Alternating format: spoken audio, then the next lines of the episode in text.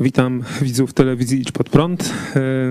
Jesteśmy tutaj na scenie w naszej, w naszej siedzibie, w siedzibie naszej telewizji. E, jesteśmy świeżo po projekcji filmu, poruszającego filmu e, pod tytułem Zdrada Formozy czy Formoza zdradzona, e, który opowiadał o wydarzeniach, które miały miejsce w latach 80., na początku lat 80. w Stanach Zjednoczonych oraz na Tajwanie. Jako, że na Tajwanie korzystamy właśnie z tej wielkiej okazji, którą, którą jest wizyta pani redaktor Hanny Szen w naszej telewizji. E, możemy panią powitać. Bardzo się cieszę. Witam. Dziękuję. I obok pani, pani redaktor siedzi pastor Paweł Chojecki, e, szef telewizji Idź Pod Prąd. Bardzo serdecznie. Moje nazwisko Michał Fałek i ja poprowadzę poprowadzę no, dyskusję, e, dyskusję po tym filmie. Myślę, że wiele, wiele e, pytań macie i wy, drodzy widzowie, i tutaj zgromadzeni uczestnicy tej projekcji w naszej, w naszej telewizji. Ja również też mam wiele pytań. Film opowiada o wydarzeniach z lat 80. Z 81 roku to było pierwsze zabójstwo, czyli ponad 40 lat temu. I no, pierwsze, pierwsze pytanie, które ciśnie się na usta, jak to jest możliwe, że tak funkcjonowała wtedy ta, ta dyktatura, można powiedzieć, Czankajszeka, prawda? E, no i jak to, się, jak to się ma do czasów dzisiejszych? E, proszę tutaj o kilka słów na temat podłoża tych wydarzeń, podłoża historycznego. Myślę, że film pokazuje, że po prostu no, Tajwan taki, jaki był, czyli rządzony przez Chiang nieważne jak, po prostu był Ameryce potrzebny. I aż Chiang bardzo dokładnie wykorzystywał to, to no, że jednak e, jest główna walka z komunistami. Ameryka też w tym czasie była bardzo skupiona na Rosji. A on grał na tym, e, tym akcentem, że e, no, on i jego rząd walczą z komunistami. E, to, że pod tą walkę z komunistami wliczona była też walka z ludźmi, którzy chcą niepodległości. Z Tajwańczykami, krótko no, to mówiąc. My nie bardzo rozumieliśmy to, prawda? No sami Amerykanie tego nie rozumieli. Ci, ci którzy byli zabici czy skazywani, to czym oni, no, słuchali tego, co mówi rząd, prawda? No to są komuniści. Wielu ludzi tak było przedstawianych, a w rzeczywistości oni z komunistami nie mieli nic wspólnego, no wręcz przeciwnie, prawda? Oni mówili o wolnościach, o suwerenności. No więc tak, taki Tajwan, Tajwan Chiang Kai-sheka był wtedy Ameryce potrzebny i właściwie to się odbywało za zgodą Amerykanów. No, taka też była Korea Południowa, ona też była dyktaturą. I tutaj, tutaj mówiłam o tych elementach lewicowych, to znaczy wydaje mi się, że troszeczkę chcą, cały czas jest ten wizerunek Reagana, prawda, że jak gdyby on jest za to odpowiedzialny. Ale tak naprawdę to rozluźnienie i na, w Korei Południowej i w, w, na Tajwanie, znaczy rozluźnienie, to znaczy Amerykanie mówiący musicie się zmienić Musicie zacząć demokratyzować. Zaczął się za Reagana. Więc Amerykanie zaczęli zmieniać swój stosunek. Tak jak wcześniej no, zachowywali się tak jak ta pani z ambasady amerykańskiej, no, że my się tu nie mieszamy, niech, co oni sobie robią, to niech sobie robią, tylko żeby byli po naszej stronie. To, to się zaczęło za Reagana zmieniać. Znaczy oni mówili, my będziemy was bronić, ale wy musicie wprowadzać y, demokrację, znaczy wartości takie, jakie no, są na świecie, no wolności przede wszystkim, prawda? Więc to się za Reagana zaczęło zmieniać i tutaj ten film wydaje mi się, że no, troszeczkę to tak fałszywie pokazuje. Znaczy, no, akurat z tym się nie zgadzam i y, no, druga też rzecz, y, to, to oczywiście jest oparte na autentycznych faktach, ale to są pomieszane historie, kilka historii, to, to e, no, na przykład bohater, który zginął w Stanach Zjednoczonych, to nie był profesor, był dziennikarzem. E, tam e, zamordowany kurator muzeum to w rzeczywistości był profesorem, także który mieszkał już w Stanach Zjednoczonych, ale na moment przyjechał do, do, do, na Tajwan i wtedy został zamordowany. Więc to troszeczkę jest pomieszane. Nie jest y, też prawdą, że nie złapano tych y, sprawców zabicia owego profesora w Stanach Zjednoczonych. Oni zostali złapani na terytorium Stanów Zjednoczonych, zostali osądzeni, ale przedwcześnie zostali zwolnieni y, za dobre sprawowanie. W latach 90., czy 81, może drugi byli złapani.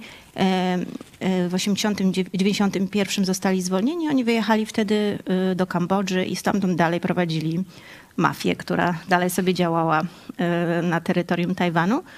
I potem ta mafia no, zaczęła, cały czas była przy, była pomocna Kuomintangowi, przeprowadzając różne e, akcje, a z czasem się okazało, że jest pomocna w dużo większym stopniu komunistom chińskim i odgrywała jeszcze bardzo dużą rolę e, w dużo późniejszych latach, to jeszcze pewnie opowiem, bo sama to widziałam, także czyli czas zmiany, tych pierwszych zmian e, na Tajwanie w, no, w kierunku właśnie może przy tych war wartości wolnościowych, to są już lata 90. czy późniejszy czas? Znaczy to jest czas, lata 80. to są czas protestów, wtedy kiedy Tajwańczycy zaczynają wychodzić na ulicę.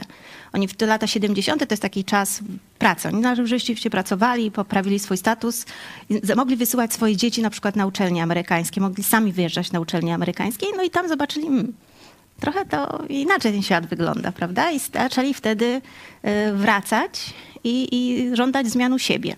I lata 80. to był czas pro, protestów i wreszcie y, śmierć y, Jiang Jingguo, czyli syna Chiang Kai-sheka, który na swojego następcę wyznaczył jeszcze ze swoich rządów. On wybrał wiceprezydenta urodzonego na Tajwanie kandydatem jego był człowiek urodzony na Tajwanie, co było no, taką konsternacją wśród samego Kuomintangu, no jak to nie ktoś, kto urodzony na Chin, w Chinach, prawda, Tajwańczyk. E, I on e, po śmierci Jiang Jingguo został prezydentem.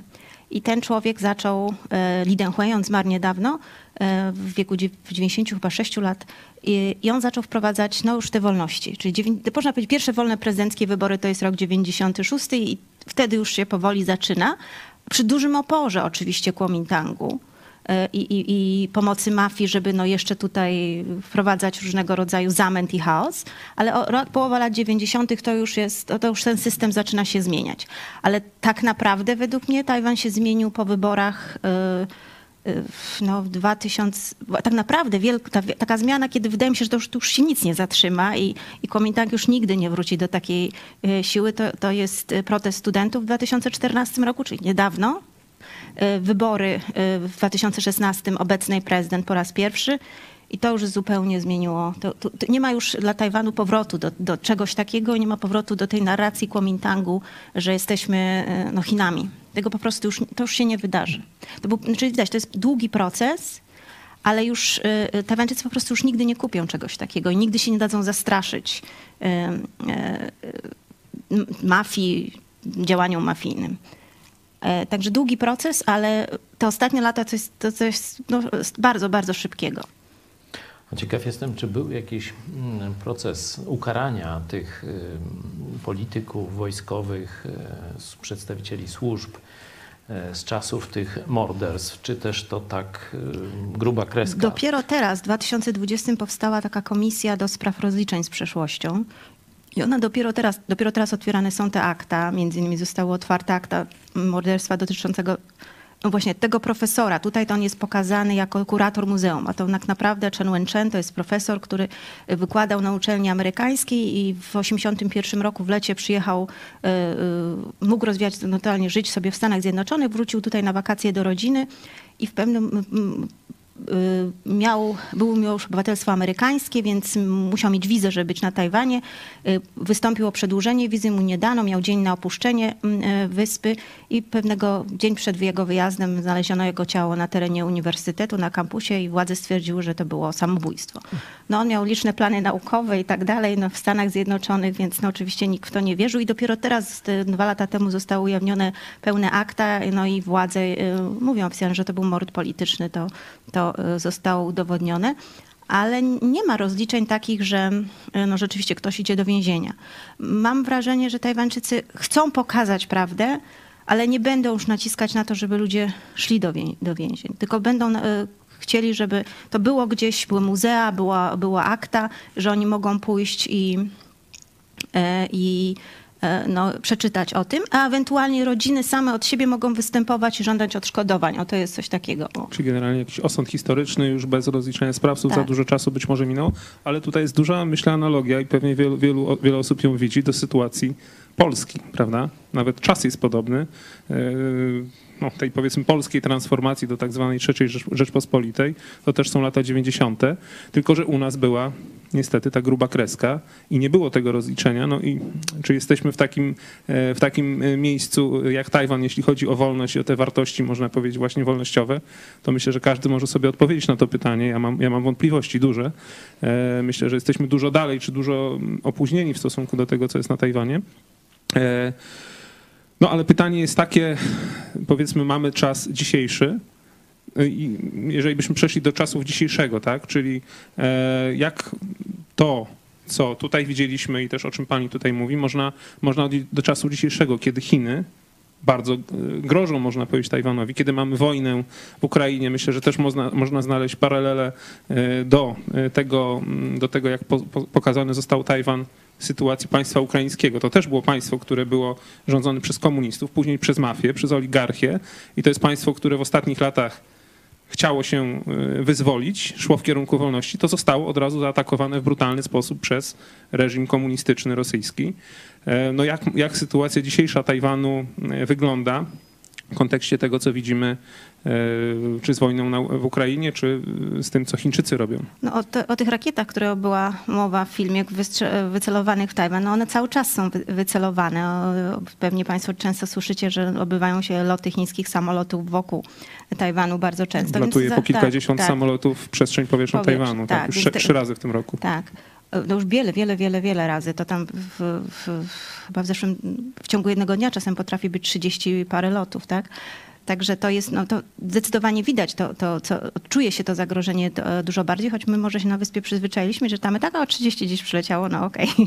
I nie jest to jakiś, nie wzbudza to jakiegoś specjalnego e, strachu. Ale myślę, że Chińczycy, e, Chińczycy nie działają w ten, w ten sposób, że no, szczególnie siłą chcą przestraszyć, tylko oni wykorzystują właśnie, właśnie na przykład mafię, prawda? No ta, e, Kuomintang, który tutaj nam się przedstawiał ludziom Zachodu jako partia antykomunistyczna, okazało się, że bardzo szybko się z komunistami chińskimi E, e, dogadał, e, zaczął robić z nimi deale i zaczął opowiadać Tajwańczykom, i to już był nasz wiek, to był lata 2008, kiedy mamy tak, mamy lata, drugą połowę lat 90. jest wspomniany przeze mnie prezydent Li Denghui, który wprowadził ten, zaczął ten proces demokratyzacji, nazywany on jest ojcem Tajwanu, bo rzeczywiście no, zaczął budować Tajwan jako, jako państwo. I potem w roku 2000, 2000 e, wybory wygrywa kandydat partii proniepodległościowej. Czyli te, te demonstracje, które Państwo widzieliście, to robili właśnie proniepodległościowcy. Większość z nich teraz jest w partii rządzącej. Niektórzy no, rzeczywiście zajmują wysokie stanowiska. E, I kandydat tej partii po raz pierwszy wygrywa wybory prezydenckie i rządzi dwie kadencje. E, I w 2008 wraca Kuomintang. I, I wtedy zaczyna się właśnie historia opowiadana Tajwańczykom, że no jeżeli rządzą proniepodległościowcy, no to jest nie, nie, jesteśmy, jesteśmy właśnie narażeni na atak, a my się z nimi dogadamy, y, będzie współpraca, wielka współpraca gospodarcza, nic się Tajwanowi nie stanie, a my przez tą współpracę gospodarczą zmienimy Chiny i zjednoczymy się. I to wszystko odbędzie się tak bardzo bezpiecznie. No i, no i to się tak toczyło w rzeczywistości, że na tych interesach robiła e, rzeczywiście pieniądze robiła partia komunistyczna w Chinach i robiła rządząca partia e, Kuomintang i nikt więcej z nic z tego e, e, nie miał. A, gdyby, a, a, w tym czasie, poza Kuomintangiem dogadującym się z, z komunistami, ci mafiozi, którzy tutaj e, występowali, no stwierdzili też, że oni się z Kambodży, bo oni uciekli do Kambodży, oni się teraz mogą przejść spokojnie do Chin i tam działać e, i obiecali e, Partii Komunistycznej Chin, że co wy chcecie, żebyśmy zrobili na Tajwanie, to my będziemy wykonywać. Trzeba zrobić jakieś zamieszki, trzeba kogoś postraszyć, to my będziemy to wykonywać na wyspie ta, te rozmowy, te współpraca gospodarcza e, e, komunistów z Kuomintangiem doprowadziła do tego, że młodzi ludzie zobaczyli, że no, nikt, oni z tego nie mają żadnych korzyści. Kolejne umowy są gospodarcze podpisywane, ale dla młodych to nie zmienia ich, nie zwiększa ich szans zupełnie. E, w związku z tym oni w 2014 roku wyszli e, najpierw na ulicę, a potem rozpoczęli okupację tajwańskiego parlamentu. Miało dojść do podpisania kolejnej umowy z e, Chińczykami i oni, żeby do tego nie dopuścić, rozpoczęli okupację parlamentu. To się nazywa rewolucja słoneczników. I wtedy na tych studentów wypuszczono mafię. Ja akurat to relacjonowałam, byłam i w, i w parlamencie, byłam i pod parlamentem. I był taki moment, kiedy staliśmy pod parlamentem i raptem przyszła taka cała grupa czarno ubranych, silnych ludzi i, i zaczęli po prostu bić wszystkich naokoło. I no, liczyli na to, że ta druga strona odpowie i będą wielkie y, rozruby. I Tajwańczycy widząc to w telewizji, bo to razu było pokazywane w telewizji, no stwierdzą, no jest chaos, ci studenci tylko i wyłącznie chcą tego, żeby właśnie było wszystko zniszczone, y, pobite i tak dalej. No na szczęście ci młodzi ludzie tam na tej e, ulicy, oni się temu nie poddali, oni nie odpowiadali. Oni, niektórzy z nich zostali pobici, ale oni nie odpowiadali siłą. I w wyniku tego kilka dni później na ulicę wyszło pół miliona e, Tajwańczyków właśnie w proteście, jak władza potraktuje tych studentów i że wykorzystuje mafię, bo były na to dowody, że to rzeczywiście byli, oni byli opłaceni przez, przez władzę chińską. Także ta, ta mafia, która tutaj była wykorzystywana do, do zabicia tych, którzy walczyli o suwerenność Tajwanu, te, jeszcze nie kilka lat temu była wykorzystywana przez i Kuomintang, i Chiny do tego, żeby wprowadzić chaos na wyspie. No wiadomo, że chaos na wyspie służył łatwiej temu, żeby no, komuniści weszli i przejęli całkowicie wyspę. Czyli 2014 jeszcze, jeszcze było to dużym zagrożeniem. Sam film powstał w 2009 roku, znaczy chyba był wyświetlany, czyli pewnie powstawał w 2008 roku, czyli to jest już do władzy wraca um, Kuomintang. Czyli i, i, twórcy robili ten film w, nie na Tajwanie, tylko w, w, Tajlandii. Z jednej strony tłumaczyli to tym, że już takich budowli starych mm, nie można znaleźć na Tajwanie, ale z drugiej strony obawiali się, że ten film jest po prostu dla Kuomintangu, który wraca do władzy, niewygodny i będą mieli trudności. Czyli jeszcze rok 2009-2008 no jeszcze nie jest takim czasem, kiedy można, można było spokojnie robić takie filmy.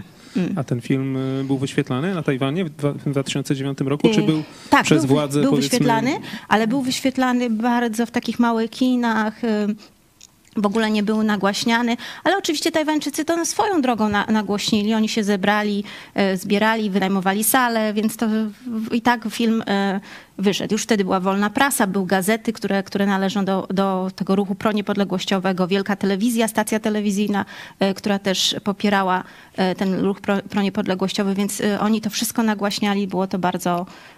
Więc ludzie chcieli zobaczyć spokojnie, poszli to, to, to obejrzeli. Rzeczywiście uważali, że to jest ważny film, prawda? Bo to, no przede wszystkim to jest też film, który zrobili oni no, wspólnie z Amerykanami, więc to też był film, który no, Amerykanie mogli obejrzeć. Udało się między innymi pokazać kongres kongresmenom amerykańskim ten film. Także wielu z nich też po raz pierwszy tak naprawdę e, poznało e, historię Amerykanów. Sam film powstał z pieniędzy tajwańskiej społeczności w Stanach Zjednoczonych. Tak, tak producenci zebrali te pieniądze, więc to, to też była taka siła, która doprowadziła do tego. Na Tajwanie jeszcze nie można było wtedy znaleźć producenta, który by zaryzykował i wyłożył e, pieniądze na tym na to. Ja o tym filmie Wiele razy chciałam, żeby on był pokazany w Polsce, dlatego że właśnie no, pokazuje historię Tajwanu do trochę innej strony niż my to naprawdę znamy, ale Teraz szczególnie o tym myślałam, bo w maju mówiliśmy w programie o tym, że e, kościół Tajwańczyków w Stanach Zjednoczonych w Kalifornii został zaatakowany, że był tam atak e, Chińczyka, znaczy człowieka pochodzącego z Tajwanu, ale który przedstawiał się jako e, Chińczyk i prawdopodobnie no i działał w organizacjach kierowanych przez chińskich komunistów w Stanach Zjednoczonych. I, I nawet sami Amerykanie powiedzieli, że no to był atak na tle politycznym, ale rasowy, no w tym sensie, że wymierzony e, w społeczność e, tajwańską. Wtedy sobie myślałam, no właśnie tutaj ta społeczność, która między innymi jest odpowiedzialna za powstanie tego filmu, no po raz kolejny staje się atakiem e, Chińczyków no, chińskich komunistów po raz kolejny. Czyli tak, no tutaj za tym y, wszystkim, co się działo, w jakim stopniu też stoją y, Chińczycy, którzy potem dogadali się z komunistami i oni cały czas tę społeczność tajwańską atakują nawet y, poza granicami. To się cały czas powtarza.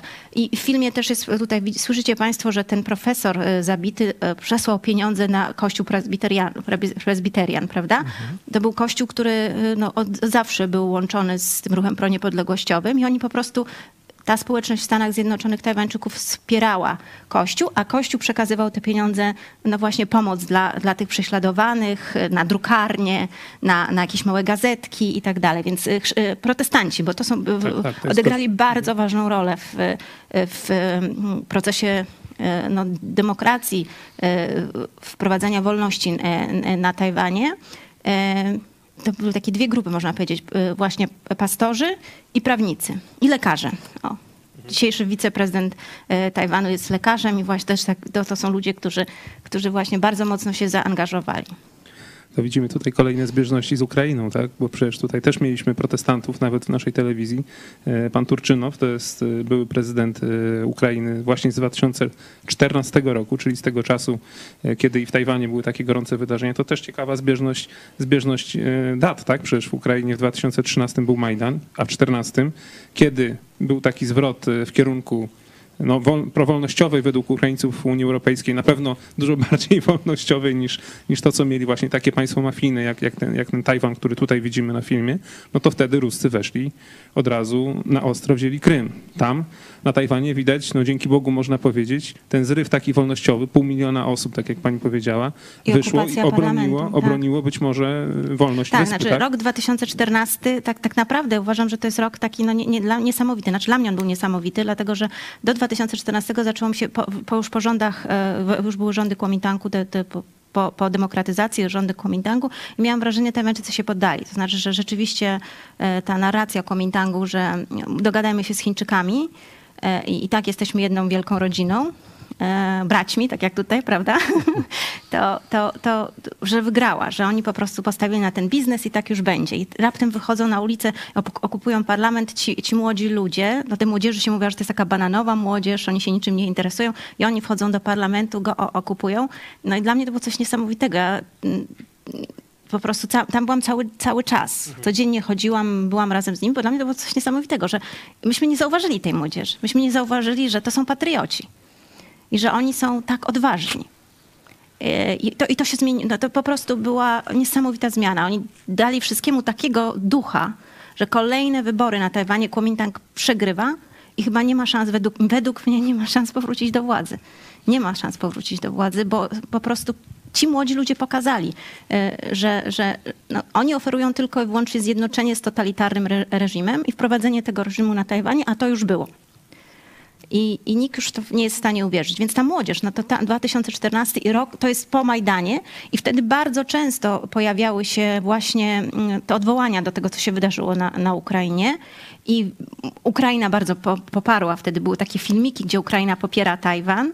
E, Było bardzo dużo takich e, właśnie spotkań wspólnych i mówiło się, że no właśnie tutaj na Ukrainie Majdan, a tutaj e, w Tajpej rewolucja słoneczników. To bardzo denerwowało Kuomintang. Ja zresztą o tym, ja właśnie o tym opisałam i wtedy napisała, był puszczony artykuł na Niezależnej na ten temat właśnie, że Tajwańczycy widzą tą swoją walkę tak samo jak Ukraińcy przeciw, z jednej strony przeciwko skorumpowanej władzy, no bo to samo jest na Tajwanie, skorumpowana władza, która weszła w układ z chińskimi komunistami, no a z drugiej strony opresor y, jako państwo, prawda? Tu, y, tam Rosja, tutaj, tutaj Chiny. I że to oni bardzo to dobrze rozumieli. Jedna, je- jedna i druga strona widać. I Ukraina rozumiała, co robią Tajwańczycy i Tajwan rozumiał, co się dzieje na, na Ukrainie. Ja to opisałam i wtedy e, ambasada e, Tajwanu, czy przedstawicielstwo Tajwanu e, napisało list do, to już opowiadałam wiele razy, ale opowiem jeszcze raz, napisało list do, e, do e, Niezależnej, że oni żądają e, usunięcia tego artykułu. E, I ja to początkowo tak, znaczy jak to zobaczyłam, to się oczywiście i czekałam na reakcję z, ze strony niezależnej, nie? No bo jak to można, jakieś obce państwo żąda wycofania artykułu. Powiem szczerze, nic się nie wydarzyło, więc ja sama odwaliłam takie pismo, gdzie tam napisałam im, co oni sobie mogą z tym żądaniem zrobić. nie wysłałam to. Pójść tam, gdzie krążownik Moskwa. Tak, tak. I wysłałam, wysłałam to. E, Ale powiedziałam też koledze, który pracował w s- tajwańskiej gazecie angielskojęzycznej. Powiedziałam, słuchaj, no wiesz co, oni przysłali taki, taki, ten, takie pismo do mojej e, gazety i ten, i, i chcą wycofania, e, usunięcia artykułu. I on wtedy powiedział, Hania, chyba coś wymyśliłaś sobie. Ja mówię, nie, no mówię ci, mam listę, wyślę ci, pokażę ci. No ja mu to wysłałam. On mówi, Hania, czy ty wiesz, że od lat 80 rząd Tajwanu w latach 80. to się da- wydarzało. Tak, rzeczywiście, tajwańskie władze e, żądały wycofywania artykułów, nie wpuszczali dziennikarzy albo usuwa, usuwali dziennikarzy, ale to się działo za rządów, za dyktatury. A tutaj mamy 2014 rok i nasz rząd e, ingeruje w wolność prasy w innym państwie. Był taki, e, też w tym mniej więcej czasie w Niemczech podobny artykuł napisali, ale tam zażądano korekty. A tutaj za- zażądano całego usunięcia artykułu. I on powiedział, słuchaj, czy my możemy o tym napisać? No i oni o tym napisali po angielsku, bo tam wspomniałam, była angielska, e, angielskojęzyczna gazeta dla cudzoziemców na Tajwanie. No i jak to oni napisali, e, to od razu lokalna prasa też to zauważyła. No i zrobił się z tego wielka, wielka sprawa na cały Tajwan. Jest to opisane w Wikipedii e, w ramach tego rewolucji słoneczników. I sprawa, no, sprawa skończyła się, znaczy e, Pierwsza publikacja nie pokazała tego listu, tylko było, że, że było takie żądanie i zaraz media pro-tajwańskie, pro-kłomitanowskie i pro-chińskie pisały, że E, ja, ja, sobie to wymyśliłam, że nie ma takiego listu. Ambasada w, Polsce, tajwańska w Polsce wymyślił, powiedziała, że ja, nie ma takiego listu. Oni nigdy takiego listu nie e, napisali. To jest kłamstwo. No i wtedy w następnej publikacji myśmy już opublikowali list i wtedy się sprawa otarła o parlament, było wielkie przesłuchanie, były, musieli się tłumaczyć MSZ z tego, no i na koniec powiedzieli, że no rzeczywiście to był błąd, nigdy więcej już tego nie zrobią. A, ale no to, to, ja o tym opowiadam, nie, nawet no, fakt, że sta, stałam się jakimś uczestnikiem, znaczy byłam z tego dumna, że mogłam się stać, no, stać przy tych młodych ludziach, prawda? Oni także, y, wiem, bo mi dziękowali za to i tak dalej i tam jak gdzieś przychodziłam i wtedy mnie poznali, ludzie mnie rozpoznawali i tak dalej, A, ale, ale no, byłam dumna, że mogę być razem z nimi, rzeczywiście coś tam dla nich zrobić, no, pokazać jak ta, jak ta, jak ten, ta władza działa. E, ale e, no właśnie, ale to było takie, i to dla mnie było bardzo ważne, ale też sobie pomyślałam, że no rzeczywiście to, to, to był jakiś element, rzeczywiście, że można, można tak, tak próbować e, wpłynąć, że tak bardzo mocno rząd na to zareagował. W pewnym momencie przedstawiciel tajwańskiego przedstawicielstwa w Polsce też powiedział, że no ja to porównałam Tajwan do Ukrainy, bo pisałam o tym, że to no właśnie tak zbierze to, te wydarzenia, do tego, że porównałam do tego oni użyli takiego określenia chłogłodzia, to jest takiego zacofanego kraju jak Ukraina. Wow. I, I po prostu, no i to jeszcze bardziej oburzyło Tajwańczyków, bo oni sobie myśleli, młodzi ludzie na, Tajw- na Ukrainie wyszli na ulicę i ty mówisz, że to jest zacofany kraj, tak? Nasz przedstawiciel naszego rządu mówi, że to jest zacofany e, kraj, więc jeszcze bardziej się po, po, pogrążyli z tym, z, tym, z tym wszystkim i to też tak pokazało Tajwańczykom, do czego zdolny był jeszcze w 2014 e, e, ten rząd. No, że rzeczywiście wysyłał mafię, próbował zmieniać teksty za granicą i przemilczeć, znaczy no jakoś E, zastraszyć, czy no przy, e, uciszyć e, dziennikarzy. No, wtedy mi powiedziano, nawet Tajwańczycy mówili mi, słuchaj, gdybyś nie miała męża Tajwańczyka, to oni by cię po prostu wyrzucili z Tajwanu. Po mhm. prostu by ci wycofnęli akredytację i by cię wycofali. No tak to nie mogli tego zrobić, no bo jako żona Tajwańczyka no miałam prawo do, do, do pobytu. Także to był taki no, moment, który pokazał mi rok 2014, rok, gdzie zaczęły się zmiany, a jednocześnie mafia wraca, i y, wraca no, próba tak, tak wielkiej kontroli wolności słowa, że ona nawet może dosięgnąć y, Polskę. No i tak też to był taki moment y, dumy, bo pokazaliśmy jako Polska, że no nie, nie, nie damy się. Ja mogę powiedzieć, że my jesteśmy dumni w takim razie z pani redaktor, że jeszcze w 2014 roku, kiedy my nie nadawaliśmy codziennie, pani pod prąd jedna, pod prąd, tak. No, jedna powiem szczerze, nawet potrafiła zmienić, o... można powiedzieć, historię i jeszcze bardziej Tajwan popchnąć ja w kierunku wolności. Nie myślałam nawet o konsekwencjach tego. Powiem, że byłam po prostu tak, no, kuszona, brzydko mówiąc, że ktoś mi mówi, że muszę mój tekst usunąć. Nie? I tak ostro zareagowałam, odpisując do, do władz, a potem no, no, to z tego się zrobiła naprawdę sprawa taka, że i, i też byłam zszokowana, jak oni łatwo kłamią, jak bardzo mocno kłamią i jak wiele oszczerstw w moim kierunku idzie. Bo oni zaczęli wyciągać jakieś takie zdjęcia, na przykład jak miałam zdjęcia, e, ja lubię takie koszulki z przekazem, nie? To właśnie e, pod prąd ma dużo takich koszulek, więc ja miałam też takich dużo tajwańskich właśnie krytykujący Kuomintang. Tam miałam, że no, akurat był prezydent Ma, rządził, więc że obalmy prezydenta Ma. Jak gdzieś miałam takie zdjęcie, więc oni no, e, zaczęli te zdjęcia wyszukiwać.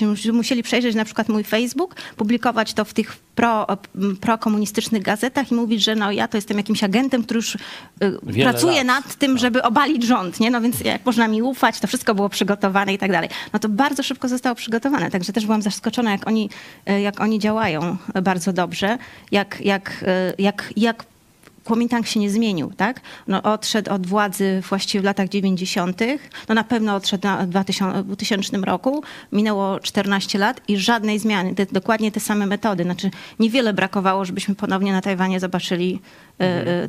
to, co się dzieje tutaj. Był, był taki moment, kiedy e, Tajwańczycy zaatakowali poza parlamentem przepraszam, jedno z ministerstw i wtedy w nocy no, przyjechało wojsko, przyjechały tam wodne rakietki i tak dalej to, i rzeczywiście było gorąco. Ja akurat y, y, byłam na miejscu, ale no, sami inni reporterzy powiedzieli, no bo oni wszyscy dwa metry, a ja, ja dość mało powiedzieli, słuchaj, ty lepiej stąd odejdź, bo pierwsza woda poleci i ty będziesz na ścianie. Więc ja wtedy szybko odeszłam stamtąd i rzeczywiście było bardzo, e, bardzo gorąco wtedy. Ale to też e, no, były wolne media, było dużo mediów zagranicznych to wszystko pokazały to, no to jeszcze bardziej zmobilizowało. Ja myślę, że te pół, pół, miliona między innymi było dlatego na ulicy, że widzieli to, co się działo, jak zareagowała wtedy e, władza. Znaczy władza myślała, że no właśnie, z jednej strony będzie przekaz taki, że młodzi ludzie wprowadzają chaos, e, e, że to jest niebezpieczne i że to się po kilku dniach skończy. No, okupacja parlamentu trwała trzy tygodnie.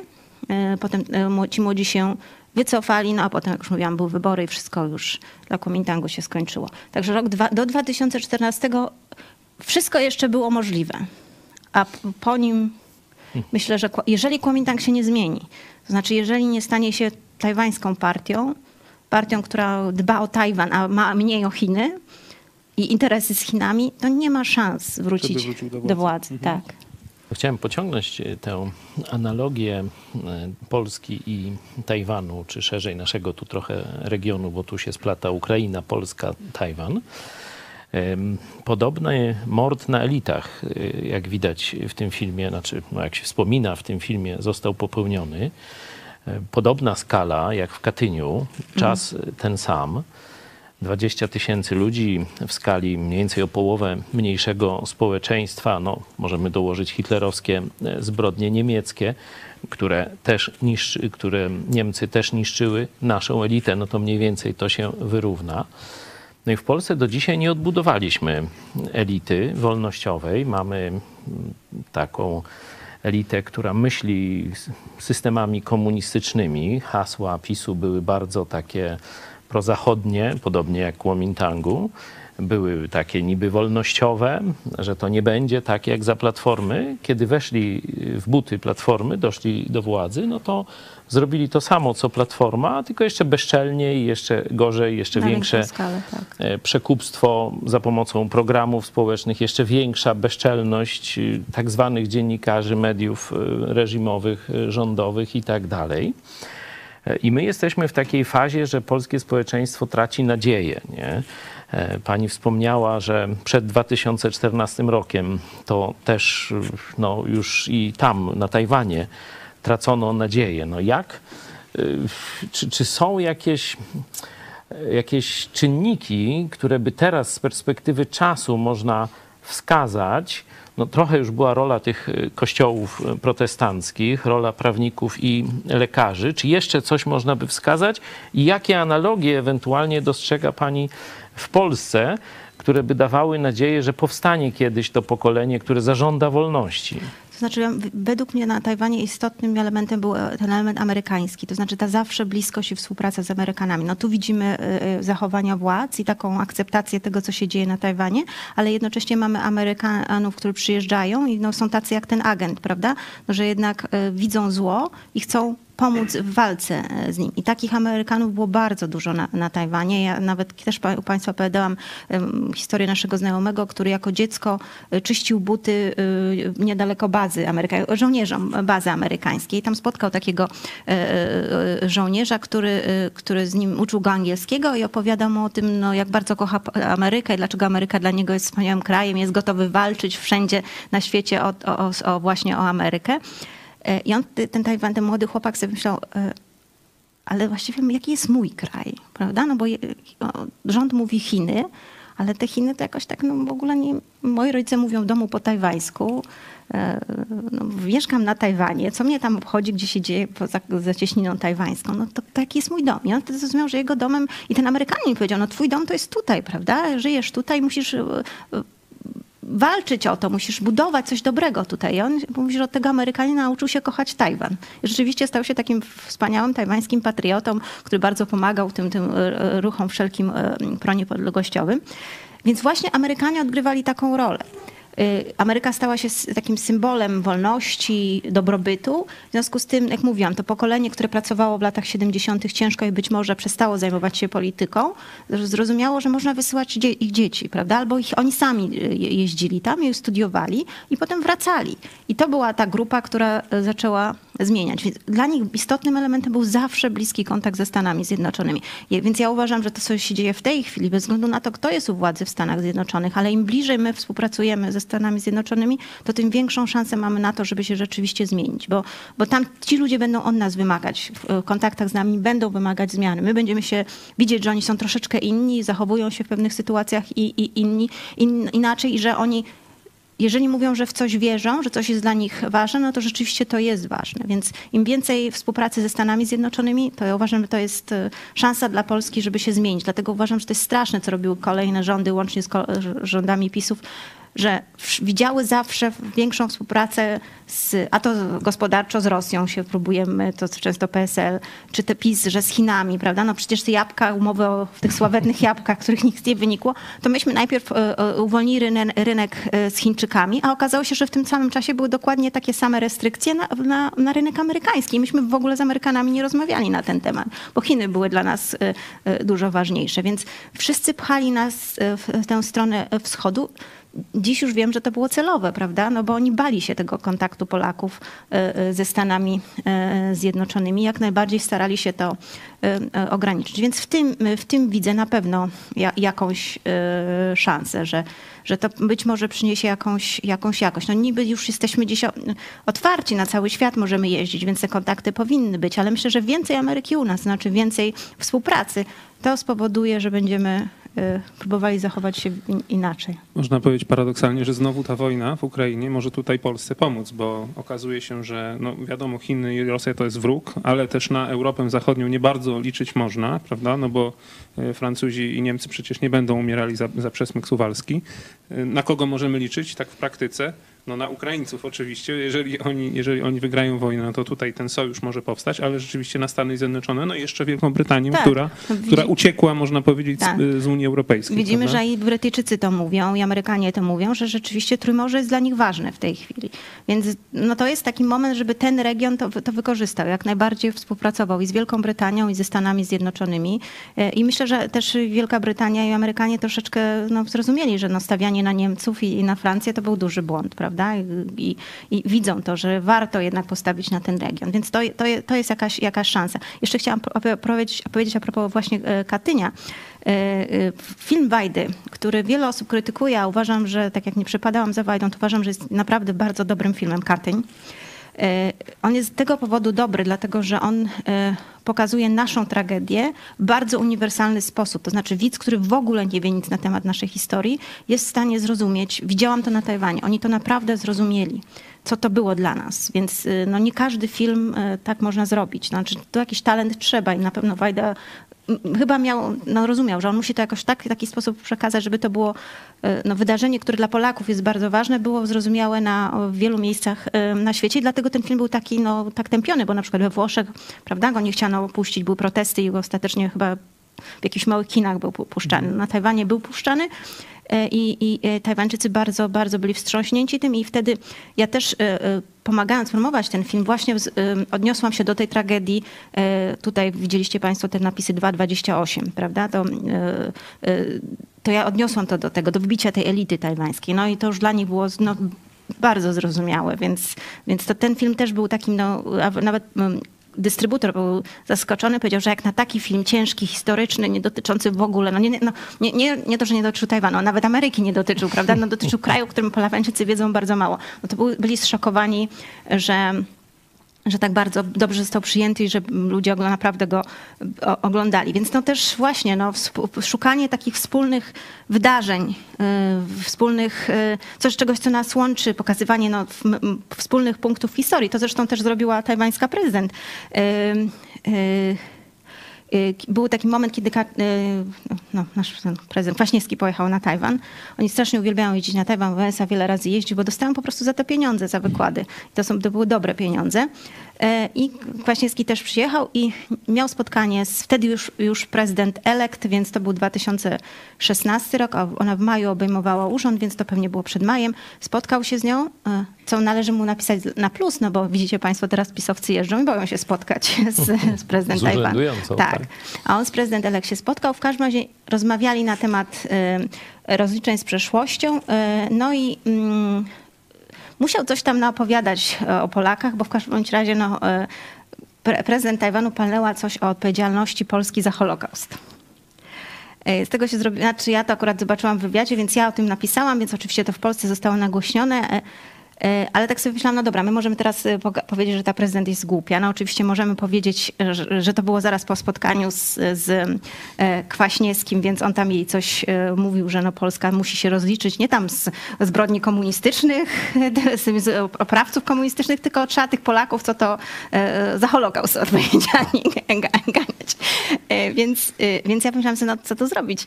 No to wysłałam mi raport Pileckiego, który akurat był wydany po chińsku i, i, i ona, ta książka do niej dotarła i ona... Yy, i po pierwsze jej y, biuro się wytłumaczyło z tego, że ona niedokładnie tak powiedziała, że gazeta, która zacytowała ją, że Polacy byli w jakimś stopniu odpowiedzialni, to gazeta bardziej prochińska, więc ona przekręciła Dodała, coś, tak? Więc to nie było tak, ale ogólnie ona, no, no Polacy byli ofiarami także niemiec, niemieckiej e, okupacji, więc ona w ogóle nie, nie, nie chciała tutaj urazić e, Polaków. I kilka tygodni później ukazał się z nią wywiad e, w jednej z czołowych gazet i zapytano ją się, jakie książki ostatnio czytała i ona wtedy powiedziała, że właśnie przeczytała raport Witolda Pileckiego, e, czytała o postaci Witolda Pileckiego i widziała, jak Polacy e, jak gdyby odzyskali pamięć o nim, jak zadbali o to, żeby odbudować e, pamięć o nim, pokazali jego chwałę. I ona zrozumiała, patrząc na życiorys tej, tej postaci, że no właśnie ten proces roz, roz, rozliczeń z przyszłością może być długoletni, może być bolesny, ale jest bardzo ważny, do, dla młodych pokoleń zwłaszcza. I, i, i, no i tu też było coś, co połączyło nas od razu, prawda? Że no, nie, y, mamy problem z rozliczeń z przeszłością, prawda? Mamy wielu bohaterów, którzy przez lata byli uważani za zbrodniarzy, trzeba o nich młodym pokoleniu e, powiedzieć, tak żeby oni rzeczywiście zaczęli się zastanawiać, na przykład no tak, był ktoś taki jak Witold Pilecki, jak on by dzisiaj postąpił, czyli to taki był wzór dla mnie, prawda? Co, czy, czy ja, jak ja powinienem się zachować godnie, żeby, żeby no, mówić o, o, żeby on byłby na przykład ze mnie dumny, prawda? Żeby to był jakiś wzór dla nas. Więc ona to zauważyła i powiedziała o tym i to było takie, też mi było strasznie fajnie, przyjemnie, że, że to nie tylko jest, y, że ona przeprosiła za to, że jakieś błędy nastąpiły, ale że odwołała się do naszej historii i że zauważyła ten, tą, tą sferę, w której możemy współpracować, w sferze y, rozliczeń y, z przeszłością.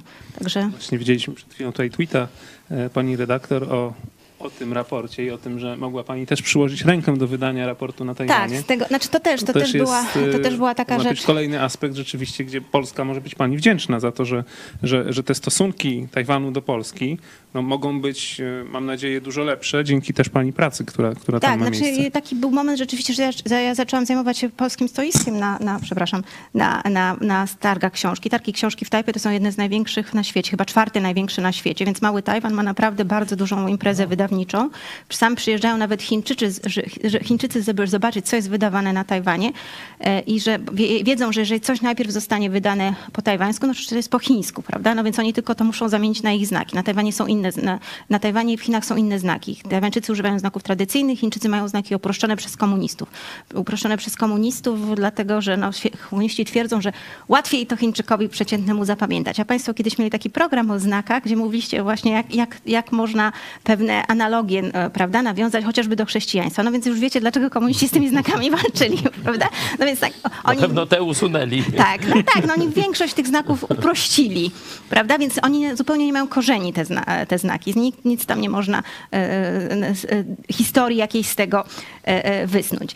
Więc oni też patrzą na te, na te publikacje i potem tylko muszą przekręcić znaki, prawda? I no u siebie wydać. I tak też było z raportem Pileckiego, bo ten raport został wydany w, w Chinach i licencja została kupiona od tajwańskiego wydawcy. E, I ja zauważyłam na tych targach książki, że ludzie, zrobiliśmy taką małą wystawę i to dziwo nie nasza ambasada mi pomogła, w tym tylko Włosi którzy akurat y, też mieli kilka książek o, o Pileckim i zrobili taki malutki filmik o nim i oni ten filmik udostępnili i myśmy to wszystko pokazali na e, targach e, książki i widziałam reakcję, e, zwłaszcza młodych ludzi, prawda, że no dla nich to była niesamowita postać. Ktoś, kto się zgłosił na, na ochotnika do obozu koncentracyjnego, to było coś dla nich niesamowitego. Wtedy pomyślałam, że trzeba coś wydać o Witoldzie Pileckim.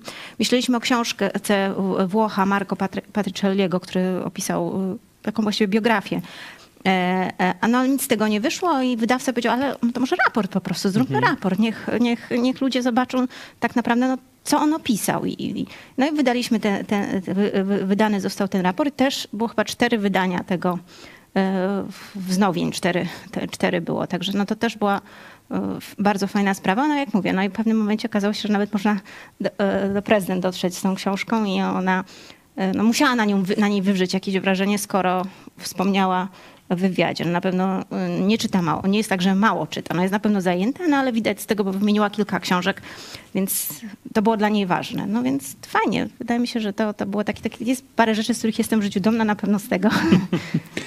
Y, jeszcze wrócimy, chcę uspokoić naszych widzów, że damy okazję im do zadania kilku pytań, ale chciałem jeszcze, e, można powiedzieć, na koniec tej części zapytać panią redaktor o czas dzisiejszy. Mamy 2022 rok i chciałem się zapytać, jak dzisiaj wygląda wyglądają relacje polsko-tajwańskie, jak wygląda nastawienie Tajwańczyków do Polaków. No Polska nie jest krajem, który uznał niepodległość Tajwanu, no tak- niestety. Tak, tak, jak Stany Tych krajów, tak, tak jak Stany Zjednoczone. Tych krajów zresztą obecnie jest mniej niż te 23, niż te 23 bo niektóre, tak. niektóre niestety pod wpływem Chińczyków tak. wycofały się z tej decyzji. No wyprzedzają nas, myślę, nasi sąsiedzi, bo i Litwa mm. lepsze ma, myślę, i takie bardziej odważne, e, odważne mm, dyplomatycznie, można powiedzieć, stosunki z Tajwanem. Czesi podobnie. No a Polska jakoś tak, tak nie, jeden krok do przodu, dwa do tyłu. Ja, ja to tak widzę przynajmniej. A jak tak. wygląda ze strony Tajwańczyków podejście do Polaków, znaczy, do Polski? Tajwan rzeczywiście miał stosunki dyplomatyczne głównie z takimi krajami Ameryki Południowej, Afryki niektóre i, i to było, polegało na tym, że oni mieli te stosunki, no bo in, nadawali pieniądze po prostu. Nie, nie tylko inwestowali, ale też no, często wspierali tamtejsze rządy. To nie zawsze były rządy, no, w, części, w większości niedemokratyczne. I dopiero ta władza, która teraz przyszła, stwierdziła, że to nie ma sensu, prawda? No my wspieramy jakiś kraj gdzieś tam, który być może jest dyktaturą. Oni tak jak przyjdzie Chiny, które więcej zaoferują, to się wycofają. Więc to nie ma sensu. Lepiej te pieniądze wydać na, na, na promocję Tajwanu w państwach, które coś mają z nami wspólnego, jakieś wspólne wartości. No więc na pewno Europa Zachodnia, na pewno Stany Zjednoczone, Kanada. Więc oni już tak niespecjalnie, nawet zabiegają, niespecjalnie rozpaczają z tego powodu, że gdzieś tam jakieś Burkina Faso powie, że nie chcą uznawać e, e, e, Tajwanu a właśnie no, zabiegają o to, żeby państwa w Europie, tak jak państwa w Europie Środkowo-Wschodniej, no więcej wiedziało o Tajwanie, prawda? Więc zapraszają polityków, zapraszają studentów e, i i widać, że no w niektórych krajach jest odpowiedź na to. No jest odpowiedź z Litwy, której, no, ja mogę powiedzieć, że raz w miesiącu to na pewno mam jakąś delegację z Litwy w tej chwili. Jakiegoś polityka, jakąś, jakichś posłów, którzy się oczywiście z wszystkimi, którzy trzeba się spotykają, prawda? No my mieliśmy ostatnio delegację z Polski, no ale jak się okazało, sami Tajwańczycy napisali w mediach, że się przestraszyli i Polacy i na propozycję spotkania z prezydent Tajwanu, to, to stwierdzili, że nie. Tak jak wspomniałam, no Kwaśniewski nawet był odważniejszy i się spotkał, a PiS e, się tego wystraszył.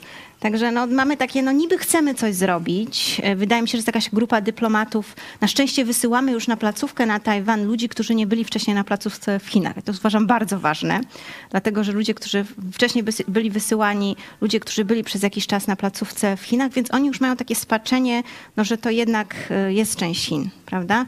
No i że jednak Chiny się mogą, no to jest siła, oni się mogą obrazić, jak my za dużo z tym Tajwanem będziemy robić. Więc przestają wysyłać takich ludzi. To już są ludzie, którzy gdzieś byli na przykład w Singapurze wcześniej, może w Japonii, więc no mają inne spojrzenie na Tajwan.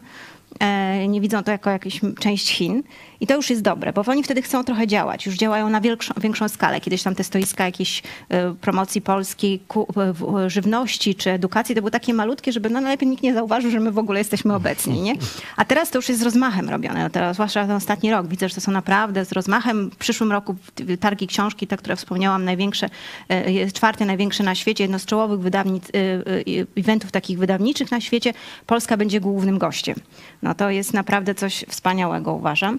Więc no, widać, że ci dyplomaci jest taka grupa, która chce coś, coś zmieniać, no ale kiedy to przychodzi do, do, do tutaj, do centrali, to zawsze się znajdą jakieś e, no, czynniki, które powiedzą, o, o, ale co powie Pekin? Także no, brak nam odwagi tak naprawdę, brak wizji, bo widać, że Litwini widzą to, widzą, że szansą jest współpraca w kwestii półprzewodników na przykład, że to może w dużym stopniu ich uniezależnić i zmienić ich pozycję chociażby w relacji z zachodnią Europą, no to u nas tej, tej wizji E, takiej brak. Odwagi wizji brak według mnie. Tak, można przypomnieć, że Tajwan jest gigantem, jeśli chodzi o produkcję półprzewodników, czyli można powiedzieć coś, co jest związane z nowoczesnym światem. Natomiast Polska już tam ósmy rok jedzie pociąg z jabłkami do Chin. Tak, tak, no, właśnie, zobaczcie, o czym oni nam mówią. Oni mówią, że sukcesem jest to, że myśmy podpisali umowę z państwem komunistycznym, że będziemy sprzedawać, bo to tylko o to chodzi, że myśmy podpisali umowę, bo to, że my te jabłka sprzedajemy, a nie sprzedajemy, no to już zupełnie inna sprawa jest. Więc że sukcesem jest, że myśmy podpisali umowę, że Chińczycy powiedzieli, że oni będą kupować te jabłka.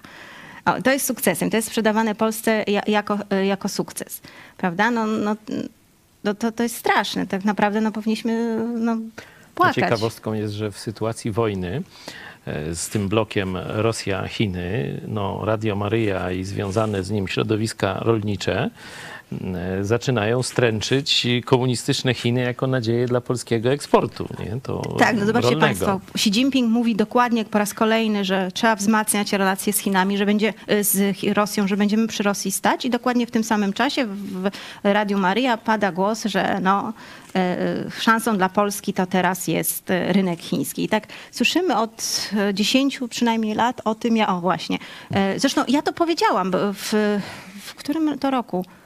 Y, W 2000, czy to jakieś dwa lata temu, To kiedy była sprawa e, futerkowych, tych e, zwierząt futerkowych, no to ta osoba się e, Półtora bardzo udzie, udzielała i ona wtedy powie, on powiedział, wtedy powiedział, że oni stworzą taką giełdę futerkową we współpracy z, z Chinami i że miał już rozmowy z ambasadorem, chwalił się, że spotkaniem z ambasadorem Chin i wtedy myśmy o tym rozmawiali właśnie u Państwa w programie. Ja powiedziałam, że z tej giełdy to nic nie wyjdzie, a zobaczycie Państwo, że za jakiś czas on będzie nas stręczył współpracą z Chinami. No dokładnie w momencie takim, kiedy cały świat już zaczyna widzieć, NATO będzie o tym rozmawiać, o współpracy Rosji i Chin, no to on mówi e, e, rolnikom, że Chiny są dla nas e, szansą, a tym, w tym samym czasie nawet oficjalne rządowe dane mówią o tym, że import towarów, import, eksport do Chin towarów rolniczych z innych państw maleje po, po prostu. I oni się bardziej nastawiają w tej chwili na współpracę z Rosją, więc okazuje się, że ta szansa będzie coraz mniejsza, a oni w tym czasie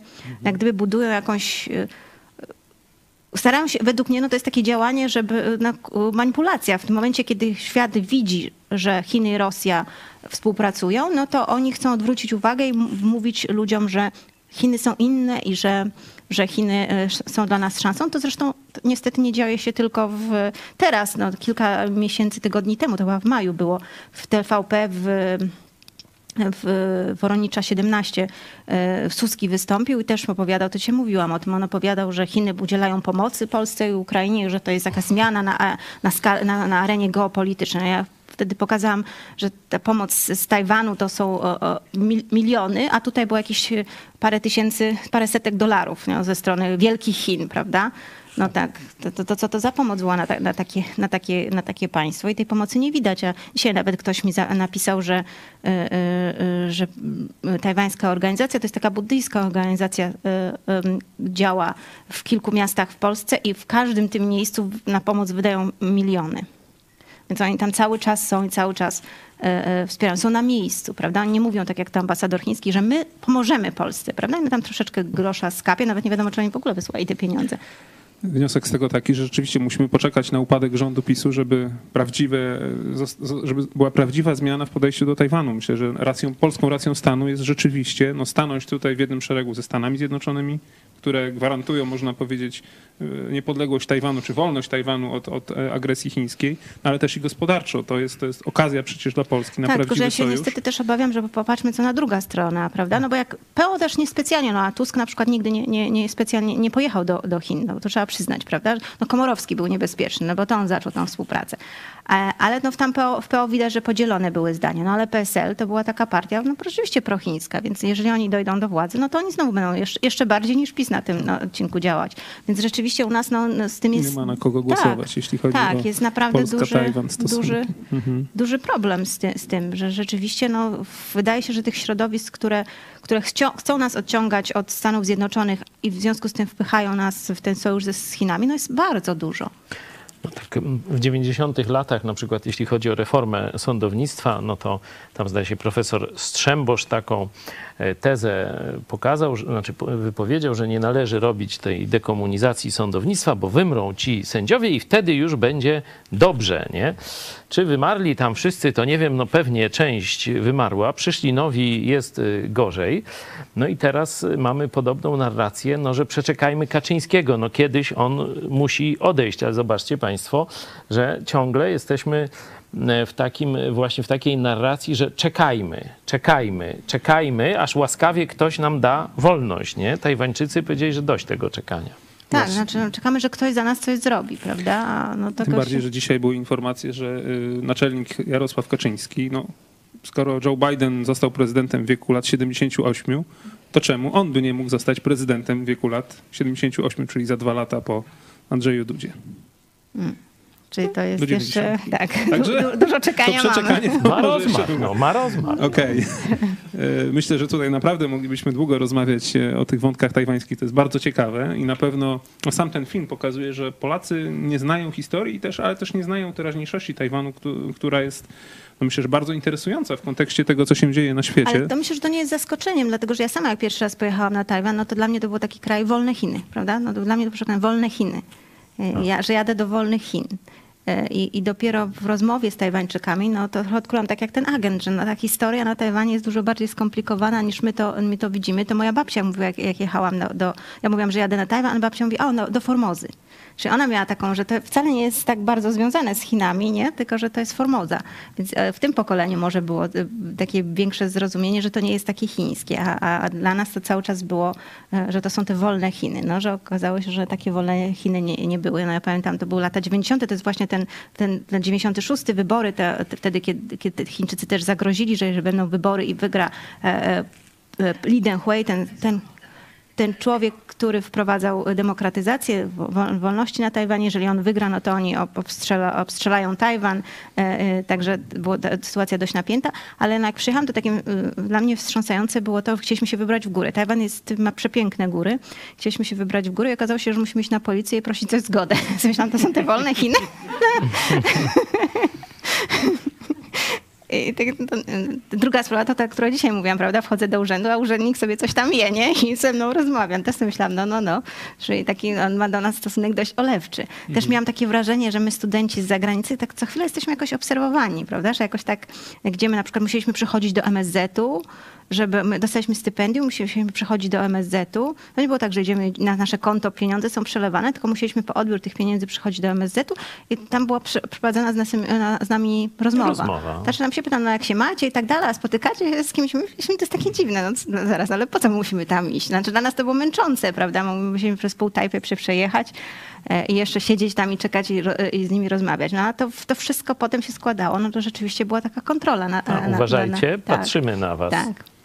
Ale dzięki Bogu to już się zmieniło i te czasy, tak jak pani redaktor mówiła, już nie wrócą, mamy nadzieję. Tak, tak? znaczy no Tajwan w tej chwili jest naprawdę miejscem niesamowitych wolności. Ja zawsze jak często się to używa i to o tym chcę powiedzieć, no jak piszę właśnie o tym, że Tajwan jest wolnościami, to zawsze wolnościowy taki, no to pojawi się taki e, wpis jakiegoś trola, no tak, tak, wy tam macie te związki e, homoseksualne zaakceptowane, więc oni was za chwilę zniszczą.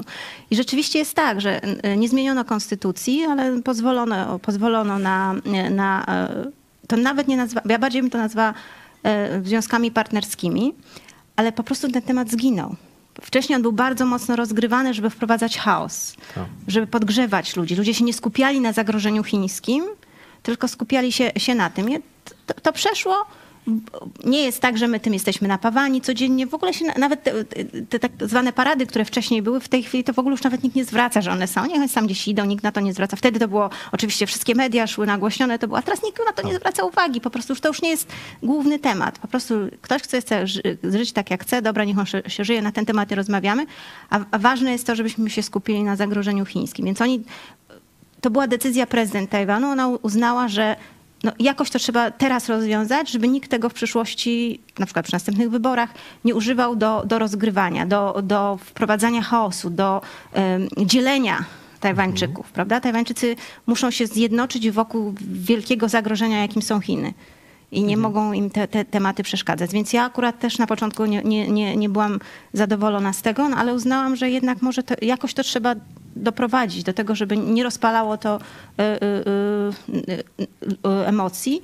A Taiwańczycy też trochę dobrze, widząc, że Europa na przykład no, na tym punkcie ma trochę fioła, więc oni to tak zreklamowali, że rzeczywiście mamy małżeństwa. Więc odczepcie się o nas, my jesteśmy naprawdę bardzo e, liberalni i tak dalej. I możecie do nas przyjeżdżać, wspierać I to też Europę Zachodnią troszeczkę otworzyło, e, Unię Europejską, bo wcześniej no, ta Unia w, w, też była w dużym dystansie i, i, e, i, i no nie, nie była tak zainteresowana też zawsze myślała trochę tak jak my, no, że a co Chiny na to powiedzą, prawda? A teraz no, trochę się do tego, e, no, trochę się to, to zmienia. Widać, że Francuzi ostatnio przyjechali i, i się spotykali też z wszystkimi p- parlamentarzyści, bardzo się otworzyli. No to jest, jest, jest zupełnie inne nastawienie do Tajwanu. Więc może czasem coś, coś nie jest po naszej myśli, ale może lepiej ten konflikt rozładować w jakiś sposób najmniej szkodliwy jak, jak można, po to, żebyśmy się skupili na dużo ważniejszym zagrożeniu, bo zagrożenie komunizmem jest najważniejszy, tym najważniejszym problemem, jaki Tajwan e, stoi, jaki stoi przed Tajwanem. To może teraz ostatnie pytanie jeszcze przed, przed pytaniami od naszych widzów. Jak pani ocenia powiedzmy najbliższe miesiące, tak? Najbliższy czas, co może czekać Tajwan? Czy rzeczywiście no, mówi się, że na przykład ym, wywiad ukraiński tak, powiedział, czy przekazał jakieś informacje, że już mają dane, że Chińczycy no, planowali uderzyć e, jesienią, tak, że we wrześniu mniej więcej miałby, miała być agresja, no jeszcze wrzesień jest przed nami, e, chińska. Ym, Jak pani ocenia, subiektywnie, ale no będąc tam, czy świat bardziej zaangażuje się w poparcie Tajwanu, no, licząc tutaj na ostrą retorykę, ale być może ostre działania chińskie? Czy będą jakieś, powiedzmy, kraje no, z tych ważniejszych krajów, nie typu Burkina Faso, które, które odważą się e, no, postawić na Tajwan tak jednoznacznie i uznać niepodległość Tajwanu? Y, To, to, to szybki atak na Tajwan, który na, na jesień miał być planowany, on y, zrodził się w głowie Xi Jinpinga wtedy, kiedy Putin mu powiedział, że on y, Ukrainę to podbije w ciągu paru dni. Więc on wtedy pomyślał, no tak, ja mam za chwilę zjazd, moja pozycja jest coraz słabsza, więc taka szybka wojna a propos Tajwanu to też wzmocni mnie, odw- od, odwróci uwagę od jakich wielu problemów, jakie mam, a też wzmocni moją pozycję. No jak zobaczył, jak sobie Putin e, radzi, no to e, chyba, chyba Wytrzeźwiał. wytrzeźwiał, tak? I, i ale bardzo ważne jest, co się, co się stanie. Jeżeli Ukraina wygra, to według mnie Tajwan jest bezpieczny. Jeżeli Ukraina przegra, to e, mo, możemy się liczyć, ta możliwość ataku jest bardzo, bardzo, bardzo, mo- e, bardzo możliwa. No, ona nie musi nastąpić teraz przed zjazdem. Wystarczy, że Xi Jinping zostanie wybrany, poczuje się na tyle silny, żeby no, gdzieś na przykład w przyszłym roku, chociaż Amerykanie sami mówią, że no, przed 25 rokiem ten, ten atak nie nastąpi, że Chiny nie są jeszcze tak silnym państwem, żeby sobie na to pozwolić, że jeszcze muszą trochę tę armię e, zreformować, trochę sprzętu doprodukować, e, coś tam podkraść, jeszcze parę technologii. E, I 25, no najlepiej gdzieś około 25, 20, 2025 do 27, no to już mo, mogą spokojnie e, o tym myśleć. Więc to jeszcze trochę czasu może upłynąć, ale wydaje mi się, że wygrana Ukrainy zdecydowanie e, e, to, e, to oddala. Jak świat zareaguje? Znaczy, wydaje mi się, że Amerykanie pokazują, i to bez względu na to, kto jest u władzy, czy Trump był, czy, czy Republikanie, czy teraz demokraci, że Tajwan jest dla nich ważny i że w jakim stopniu będą go wspierać. Znaczy, mówię w jakim stopniu, to, to, to nie znaczy, że tu wylądują wojska amerykańskie, ale że tego sprzętu będzie szło bardzo dużo. Czy inni to zrobią, czy zrobią to Francuzi, czy zrobią to Niemcy? No, myślę, że mamy na to odpowiedź, prawda?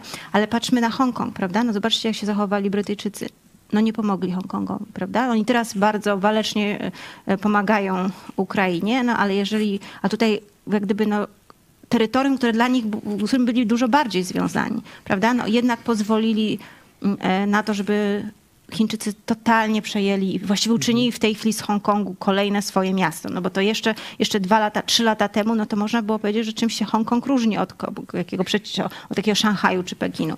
No w tej chwili ten Hongkong się już niczym nie, nie różni. I tu Brytyjczycy nic nie zrobili. No i tu widać, że ta postawa wycofywania się i ustępowania, ona otworzyła e, temu blokowi chińsko-rosyjskiemu drogę do inwazji na Ukrainę. Tak. Nie? Że gdyby świat zachodni postawił się w sprawie Hongkongu, to nie byłoby dzisiaj Tak, rzezi tak, Ukraińców. prawda. Tak, ja też tak uważam, że gdyby wtedy była re- reakcja, no to Putin też miałby sygnał, że no nie może sobie na dużo wiele, tak- na tak dużo pozwolić. A tutaj no, ta sprawa właściwie przeszła. No, Chi- Chińczycy krok po kroku. Jedna ustawa tutaj o, o ekstradycji, no ona tam niby nie przeszła, no to jakoś coś innego, inne prawo, prawda? No potem aresztowanie e, Jimmy Laja, zamknięcie wolnych mediów, no wybory, które miały być wolne, a potem się okazało, że to Pekin wskazuje, kto może brać udział w wyborach i tylko z tych kandydatów Pekinu sobie wybieramy. No więc po, krok po kroku i to wszystko przeszło. E, No Brytyjczycy oczywiście protestowali w parlamencie, ale to no, nic więcej nie, nie było. Też nie potrafili zmobilizować świata, prawda? No, oni jednak mieli takie możliwości, żeby wtedy budować jakąś taką koalicję. E, z, No nie wiem, Australia tu się mogła włączyć, e, Nowa Japonia. Zelandia, Japonia, tak. Myślę, że Japonia może być takim krajem, który może zastąpić Wielką Brytanię, w tym sensie tak jak Wielka Brytania ma blisko do Ukrainy i pomaga, a daleko do, do Tajwanu, to Japonia ma blisko do Tajwanu, Tak, a znaczy jest ta- bardzo silna militarnie, Tak, no, no, i ona Japończycy też takim... mają dużo związki z Tajwanem. Tutaj było wspomniane, no to była kolonia, e, kolonia e, japońska i te związki, e, te związki są. No, na przykład mama mojego męża dużo lepiej mówiła po japońsku niż mówiła po chińsku. No, To jest kobieta, która przeszła edukację za czasów Japończyków, prawda? Więc Mhm. to jest to całe starsze pokolenie, które nigdy nie patrzyło na Japonię jako na kolonizatorów, tak prawdę mówiąc. To też jest coś takiego, no, co my nie możemy zrozumieć, prawda? No bo jeżeli weszli do nas Rosjanie, no to byli kolonizatorzy, a to pokolenie nie patrzyło na Japończyków jako ko- kolonizatorów, dlatego że oni przynieśli cywilizację na Tajwan. Oni przynieśli kanalizację, oni usprawnili, zaczęli walczyć z korupcją, więc oni myśleli, że to jest, no, no od czego się od nich nauczyli, że, że, że no, były pełne, pewne e, korzyści. No a potem przyszli Chińczycy, no i, y, no i wiadomo, że to nie była cywilizacja, bo przyszła korupcja. Y, Oni często też mówili, że odeszli, odeszły psy, a przyszły świnie. To było takie określenie na to, że odeszli Japończycy i przyszli Chińczycy. No zawsze to nie, był, to nie byli oni. E, ale no to jednak d- jakiś taki sentyment trochę do tej Japonii mieli. A, a Japończycy też mają sentyment do, do Tajwanu, często przyjeżdżają, często e, odwiedzają. E, ale też no, oczywiście mają, bardzo praktycznie patrzą. No, to jest to, ta linia ich ochrony przed Chinami komunistycznymi, więc oni wiedzą, że Tajwan musi być obroniony, bo inaczej następni będą oni. Więc Czyli oni na tak to jak- bardzo, bardzo tak praktycznie. jak e, Tajwan jest dla Japonii tym, czym jest Ukraina Tak, dla, dokładnie. dla Europy. Można bardzo praktycznie do tego podchodzą, a jest dużo, no jak mówię, kulturowo są bardzo, bardzo do siebie podobni. Już dzisiaj, kiedy Rosja i Chiny zaatakowały Ukrainę, no to już nikt o tym nie przypomina, ale ja przypomnę, bo to akurat mnie dotyczy, kiedy mówiliśmy w telewizji Idź Pod Prąd o zagrożeniu z, ze strony komunizmu rosyjskiego, chińskiego, no tamten e, jeszcze dodatek e, Korea Północna, to wyobraźcie sobie, że pisowski rząd, a dokładnie jego prokuratura, wytoczyły przeciwko mnie akt oskarżenia o przestępstwo nawoływania do wojny. Kiedy mówiliśmy te rzeczy, które dzisiaj się dzieją i o których dzisiaj już wszyscy mówią, że Chiny tu jeszcze 3-4 lata będą gotowe do podboju Tajwanu, a być może dalej, nie? Także to pokazuje, jak wpływy komunistyczne są mocne. dzisiaj obecne w tej koalicji rządzącej. Tak. Że no, że w ogóle może się pojawić, no, jak patrzyłam na procesie, no bardzo często był ten argument, nawet nie Korei Północnej, tylko chiński Tak. wysuwany, więc to Prokuratorowi się trochę pomyliło, nie? też, Jakoś no tak, ale tam... no, to te Chiny jakoś no, trzeba było ich bronić, okazuje Tak, się. tak, że nie no. można tak mówić o Chinach. Tam. Y, Można zakończyć takim wnioskiem, że y, warto zachęcać Tajwańczyków, może nawet oni o tym dobrze wiedzą i to praktykują, żeby modlili się o zwycięstwo Ukrainy, to co pani powiedziała. Tak, ja myślę, że oni, oni to sam, dokładnie sobie zdają z tego sprawę. Oni wiedzą, że dla nich bardzo ważne jest zwycięstwo Ukrainy, dlatego oni bardzo szybko przystąpili do pomocy, no takiej jakiej mogli, czyli po prostu głównie pomoc finansowa, dostarczanie lekarstw. E, no Zresztą w czasie pandemii też to samo robili, prawda? Jak gdzie mogli, to tę pomoc wysyłali. Więc oni bardzo szybko zrozumieli, że no, to niby jest wojna nie z tym bezpośrednim ich wrogiem, ale ten bezpośredni wróg na tym korzysta. Po raz kolejny, tak jak miał skorzystać na pandemii, osłabił na przykład Stany Zjednoczone, nas osłabił, no to, to tutaj trzeba e, też stanąć po stronie Ukrainy. Bardzo szybko po tej, po tej stronie stanęli, nie bali się tutaj zająć stanowiska, więc oni to dobrze rozumieją. Także to jest też, no to też jest duża zmiana w, Tajwa- na Tajwanie, bo oni zawsze, e, na przykład rząd Kuomintangu, no to tutaj był taki zawsze bardziej, mm, no patrzył jakie może mieć korzyści, prawda, w tym sensie, że utrzymamy się przy władzy, oni będą nas wspierać, no to my będziemy mówić, że ich, ich popieramy, prawda? A tutaj no, Tajwańczycy, y, którzy, ja wcześniej mówiłam tu w programach, że y, liczyli na, na przez pewien moment na jakieś interesy z Rosją. Myśleli, że być może te interesy z Rosją odciągną Rosję od Chin. W momencie, kiedy przyszedł atak, ta narracja zupełnie mhm. zniknęła i jasno opowiedzieli się po stronie Ukrainy. Także tutaj akurat naprawdę i widać, że chcą, chcą pokazać, że są po stronie wolnego świata, że chcą być z tymi krajami, które mają podobne wartości. Jest im trudniej oczywiście się do tego przebić. No wiadomo, że my teraz cieszymy się ze współpracy z Koreą Południową, z, z Japonią, a no chcielibyśmy, żeby było więcej. Także w tej, tej grupie także znalazł się Tajwan. Mhm. Dziękujemy za tę część. Można powiedzieć teraz jeszcze kilka pytań od naszych widzów. No, program jest interaktywny, także, y, także dajmy też szansę naszym widzom. Michale, proszę cię, żebyś przeczytał te pytania. Tomasus Magnu, Magnus pisze, ten przepych trwa do dziś, tyle że teraz w nierządzie komunistycznych Chin. Mariusz Borucki, Państwo policyjne, podsłuchiwanie, przepych, wrabianie innych, korupcja, uwodzenie, luksus. Czym to się różni od dzisiejszych Chin komunistycznych? Znaczy no dlatego, bo nawiązujecie Państwo do filmu, tak. tak. Znaczy dla, e, dlatego Kuomintang tak łatwo się dogadał z chińskimi komunistami, prawda? No, bardzo szybko wyczuli, że podobnie działają, więc możemy się spotykać, mówić o współpracy gospodarczej, a my działamy tak samo. To tak łatwo im przyszło zmienić e, stronę, no bo widać, że działali w ten sam, ten sam sposób, prawda? Mhm. No i nic też dziwnego, że dogadali się z politykami PiSu. E, dokładnie w ten sam sposób, mając podobną niską mentalność i moralność. No ja pamiętam, jak jacyś lokalni politycy przyjeżdżali po wycieczkach z Chin i mówili, o Matko Bosko, i nas zaprosili do takiej restauracji, gdzie były krewetki. Mm, tak. Kolejne jak my się im odwdzięczymy, jeden powiedział. Jak my się im odwdzięczymy? To, tak. to się najbardziej podobało. No jak to weźmiemy telefon Huawei na e, posiedzenie, tajne posiedzenie Komisji do Spraw Obronności. No. Albo 5G, 5G zrobimy z Huawei i już wszystko tak, będą oni nie jechali do Chin, nie, nie, czytać, tak nie wracali, nie mówili, no słuchajcie, byliśmy w tych Chinach, powiedzieli im, że oni nam, powiedzieli nam, że oni obiecali te jabłka kupować, a nie kupują, więc myśmy je tam zrugali bo na, nasi rolnicy na tym tracą, prawda? No nie powiedzieli tego, tak? Tylko powiedzieli o tym, że oni tam wystawnie przyjęli, oni się teraz martwią, czy oni też mogą ich tak wystawnie przyjąć. No, no, no niesamowite. Proszę bardzo, kolejne pytanie. Y, Arkadiusz Matejaszek, USA, zbawcy świata, pokazali w Afganistanie, jak są nieporadni.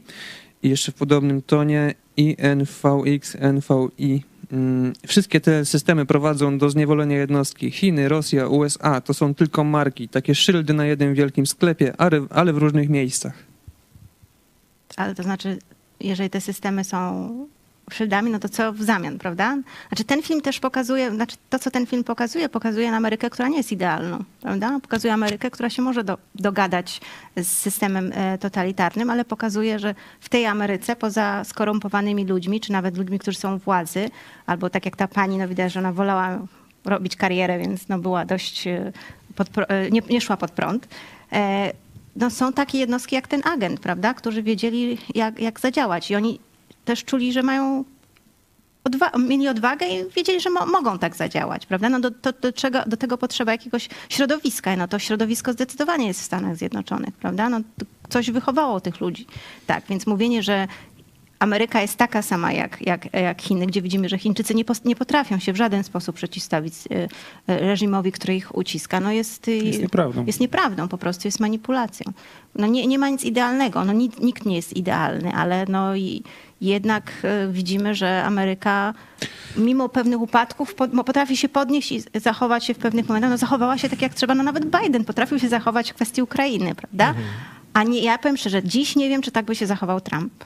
Tak, ja myślę podobnie, ale tutaj można odpowiedzieć, że to zwykli ludzie głosują nogami. Jakoś nie widzimy ucieczek do Chin no tak, i no do właśnie, Rosji, a tak. do Stanów Zjednoczonych tam co przez ten płot cały czas próbują tak, przeskakiwać. Co więcej, sami Chińczycy no, też pokazują, gdzie by chcieli mieszkać, bo nawet chińscy komuniści wysyłają swoje dzieci do Stanów Zjednoczonych, prawda? No więc oni widzą, gdzie jest to miejsce, z którym mogą mieć normalne życie i też mogą się czegoś dowiedzieć i nauczyć.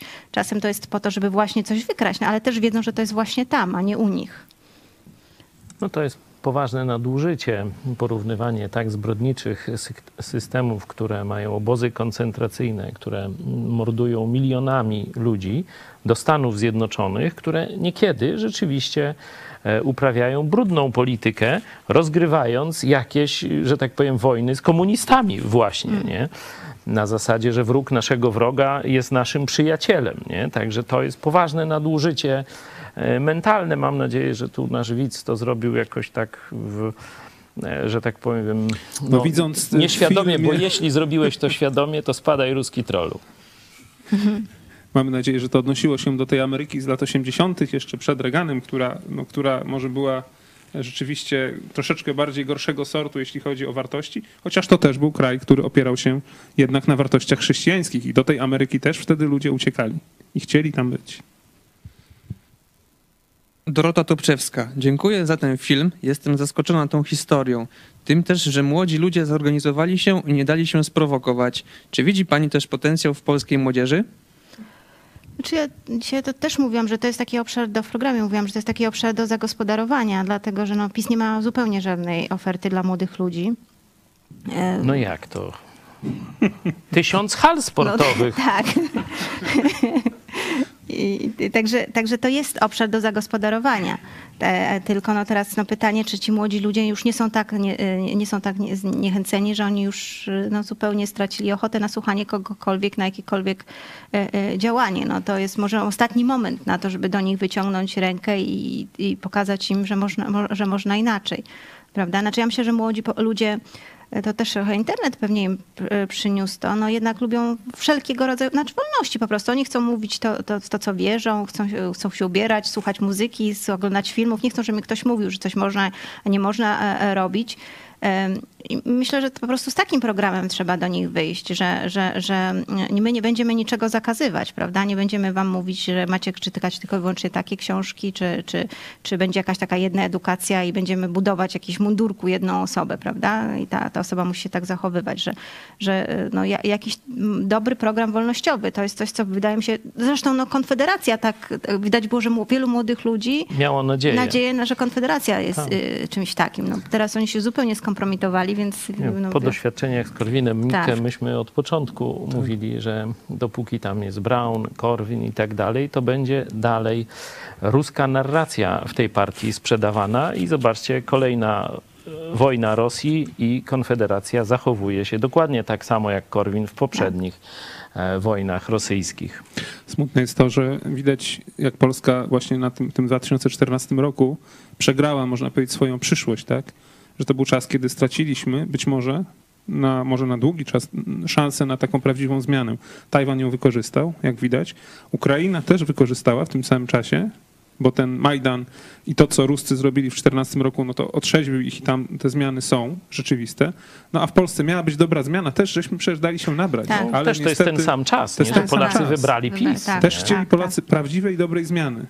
A przyszedł PiS, który niszczy Polskę socjalizmem i tak dalej. Teraz Polska jest liderem, jeśli chodzi o inflację, o upadek, y, można powiedzieć gospodarczy. No, nie ma tutaj raczej też, no to co mówimy, nie ma na kogo głosować. Konfederacja, tak jak mówisz, też piękne hasła, a okazuje się, że jest to ruska tuba w sposób ewidentny, oczywisty. No, dlatego nasze programy czasami nie są optymistyczne. No, jak mówimy prawdę, no to ta prawda realnie nie jest, nie jest taka, nie, nie, nie jawi się w świetlanych kolorach. No ale tutaj jest y, ta walka o duchowe, można powiedzieć, odrodzenie młodych pokoleń, czyli No, tak jak na Tajwanie, no, musiała się pojawić masa krytyczna ludzi, którzy powiedzą dość. Nie? I teraz Polacy jeszcze z różnego powodu nie mówią dość. Nie? E, Ale coraz więcej Polaków no, jest poważnie wkurzonych, delikatnie mówiąc. Nie? I teraz tylko pytanie, czy to wkurzenie pójdzie e, w kierunku jakiejś, jakiejś takiej emigracji wewnętrznej lub e, jakichś takich bardzo chaotycznych zachowań, czy pojawi się siła społeczna, coś takiego na kształt Solidarności. Tylko, że no, Solidarność wiemy, że była tam, e, że tak powiem, wspomagana przez różne struktury ubeckie i tak dalej, no ale mimo wszystko e, ruch społeczny był. Nie? Może lepszy byłby przykład ruchu azowego księdza Blachnickiego. To był ruch właśnie młodzieżowy, gdzie ksiądz Blachnicki, korzystając z biblijnych protestanckich materiałów, no trafił, że tak powiem, w samo sedno potrzeb tamtego pokolenia i e, takie alternatywne sposoby spędzania czasu, te obozy młodzieżowe, czytanie Biblii wspólne na, na przekór komunistom i tak dalej. E, dzisiaj większość y, ta, która jest w tych elitach rządowych z obu stron, to są gdzieś wychowankowie tamtych czasów, często bezpośrednio e, związani gdzieś z księdzem Blachnickim. No ja tam znam nazwiska, no ale to już nie będę tam dzisiaj e, podawał. Bardzo sławne osobistości z pierwszych stron gazet, ale niestety widać, że ten, ten fundament był za płytki, że to tak oni jest takie przysłowie, umyta świnia znowu tarza się w błocie, a pies wraca do swoich wymiocin. To jest język Biblii, nie żebym ja tutaj tam jakoś kogoś specjalnie obrabiał, nie? No to niestety na tych ludziach to to się sprawdziło. Czy na Tajwanie też wydaje mi się takim ważnym elementem są media? To znaczy, y, kiedy Tajwan no, właśnie się otwierał na, na te wszelkiego rodzaju wolności, kiedy y, wielu działaczy proniepodległościowych wracało z zagranicy, to oni otwierali media. I to tak jak były ma, ma, maleńkie stacyjki, maleńkie gazety i jedno, jedno co zrobili, to e, e, cała grupa e, Tajwańczyków, która przyjechała ze Stanów Zjednoczonych, zebrała dość dużą kwotę kupili jedną ze stacji telewizyjnych i zrobili z nich taką mocną, gdzieś bardzo liczącą się stację, która no, raczej wiadomo, że ma takie nastawienie bardziej proniepodległościowe. Ale ponieważ no, tego powstało bardzo dużo, jest ogromna konkurencja, no to nie może być też tak, że no, my wspieramy władzę, no w związku z tym jesteśmy ślepi dlatego że inne media pokazują, co, co, władza zrobi źle, no więc my też musimy to pokazywać, bo inaczej no, ludzie wyłączą po prostu e, na, nas i będą oglądać e, konkurencję. Więc ta ogromna konkurencja w mediach wymusiła, że, że no właśnie nie ma czegoś takiego jak w Polsce, no nie ma TVP Info po prostu. nie ma czegoś takiego. No ja, ja oglądam akurat tą stację Formosa TV, to jest ta stacja właśnie taka bardziej proniepodległościowa, no ale jeżeli władza zrobi coś nie tak, no to tam leci mocnym tekstami lecą i jest bardzo mocna krytyka, nie ma, nie ma się zlituj. E, no ale to jest dlatego, że oni wiedzą, że jest pozostałych pięć stacji, które bardzo, no, Tajwan jest bardzo mały, więc ta konkurencja jest bardzo zażarta. E, e, nie dostaną pieniędzy od władzy, tylko od widzów i, reklamodawców, więc naprawdę trzeba no, pokazywać no, to tak jak jest i, pokazywać, że my chcemy pokazać widzom, że powinna nastąpić zmiana, bo inaczej no, no, będzie źle. Więc no, media odgrywają ogromną rolę i, i, no, i tego w Polsce nie ma. No, mówimy, mamy TVP Info. Dziś mówiłam o tym artykule, który jest polecam. Przeczytajcie sobie Państwo na wirtualnej Polsce. Myślę, że to warto, żeby chociaż zrozumieć, jak wygląda polskie dziennikarstwo. O Tomaszy, Tomaszu Lisie, no, gwieździe polskiego dziennikarstwa. No, nie była to moja gwiazda, no, ale okazało się, że to, co robił, no to już w ogóle przechodzi ludzkie po, po, pojęcia. Co ten, na to ten człowiek sobie był w stanie y, pozwolić. I, i całe jego środowisko to ukrywało, bo przecież ludzie wokół niego musieli o tym wiedzieć, prawda? Dlatego to jest jeszcze system e, feudalny, e, ponieważ ludzie władzy, dziennikarze za, zaliczają się w systemach totalitarnych, dziennikarze rządowi czy wspierani przez e, partię głównego nurtu, to jest władza, oni są ponad prawem. Tak. No i to doskonale widzimy, zarówno tej strony pseudoliberalnej, bo to z liberalizmem prawdziwym, z wolnością nie ma nic wspólnego, jak tej stronie takiej powiedzmy katolicko-narodowej. Myślę, że to jest dobra okazja, skoro mówimy o mediach, żeby jednak zakończyć nasze spotkanie, bo już no, trzymamy widzów ponad półtorej godziny na tej dogrywce naszej. E, chyba, że będziemy ciąć później ten żeby dało się obejrzeć, bo już to jest trzy godziny łącznie z filmem. E, ale skoro doszliśmy do mediów, no to ja tylko powiem, że e, no, oglądacie nas w telewizji Idź Pod Prąd, która jest medium niezależnym, e, które funkcjonuje tylko i wyłącznie dzięki wsparciu naszych widzów.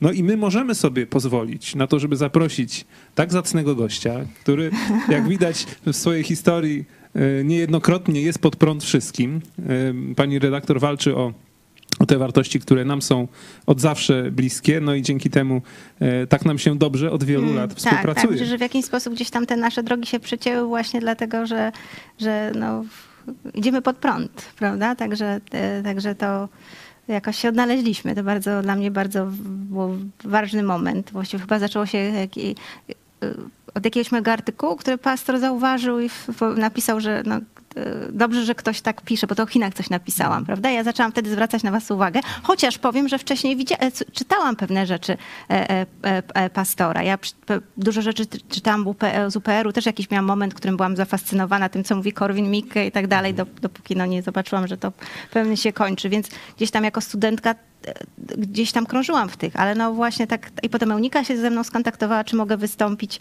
e, i, i ja na to odpowiedziałam i pokazało się, że możemy e, współpracować, też państwo się nie wystraszyli, no bo są takie media, w których ja raz wystąpiłam i potem już powiedzieli, dobra, stop. No my nie tylko, żeśmy się wystraszyli, no, ale no, pan tak, redaktor nas tak, tutaj no jeszcze właśnie, bardziej tak. podkręca ja, i ja, ja pamiętam działania. dziennikarkę telewizji Republika, której udzieliłam wywiadu, ona mówi, o Matko Boska, pani mówiła takie rzeczy, które nikt nie mówi. Normalnie w innych telewizjach to powiedzieć, no to dobre jest, nie? No bo coś innego, prawda? A tutaj było zastanowienie, czy to możemy puścić, czy nie. No miejmy nadzieję, że mm, Bóg dalej będzie nam błogosławił, że wy dalej będziecie z nami, mówię do naszych widzów i odegramy taką rolę jak właśnie telewizja Formosa na Tajwanie. To jest, to jest nasze marzenie, nasz cel.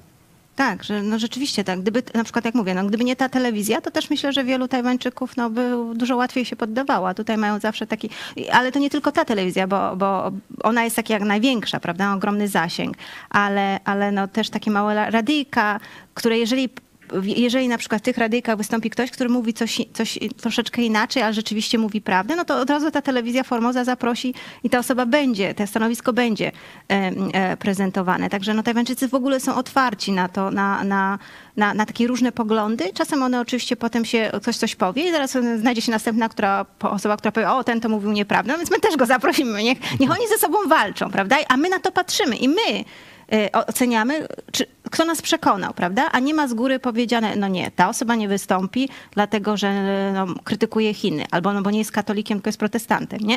Albo, no nie wiem, no, bo nie lubi Kaczyńskiego, albo no, y, no, nie, ma, nie ma czegoś takiego na Tajwanie. No dobra, w wielu rzeczach się nie zgadzamy, ale mówisz coś ciekawego, przyjdź, niech nasi widzowie ocenią, czy, czy to, co mówisz, ich, ich przekonuje. A jak mówisz nieprawdę, to na pewno znajdzie się drugi Tajwańczyk, który ci to dokładnie e, e, e, wykaże, albo a może powiesz coś takiego, co się nadaje do sądu. Tajwańczycy uwielbiają chodzić do sądów, sprawy się toczą trzy miesiące góra, więc szybko, szybko poznamy, jaka jest prawda, więc, więc spokojnie. My staramy się mówić zawsze prawdę. Myślę, że nasi widzowie e, się o tym niejednokrotnie przekonali. Możemy się mylić w jakichś ocenach, no to jest normalna rzecz, ale, ale na pewno nie, nie jesteśmy jakąś telewizją, która coś tam ukrywa albo coś przeinacza i tak. tak dalej.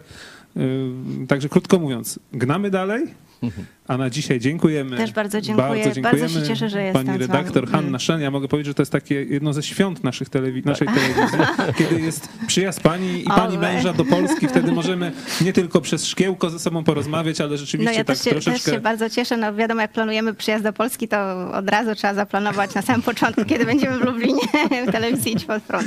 Także rewelacja. Także w tym roku już to święto mamy za sobą. Dziękujemy pięknie. No jeszcze Bardzo trwa. dziękuję. Jeszcze trwa, no jeszcze trwa, ale już tak, na, Tak ten jak program mówiłem kończymy. dzisiaj na programie, no mam nadzieję, że część naszych widzów przynajmniej zdążyła przygotować coś na wieczór, na nasze, nasze spotkanie w waszych domach, no a teraz jeszcze będziecie dalej tam gdzieś przy grillu, przy kolacji e, dyskutować o tym, co obejrzeliśmy i usłyszeli.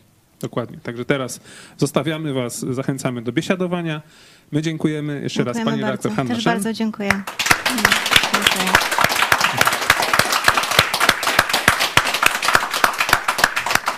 Pastor Paweł Chojecki, dziękujemy.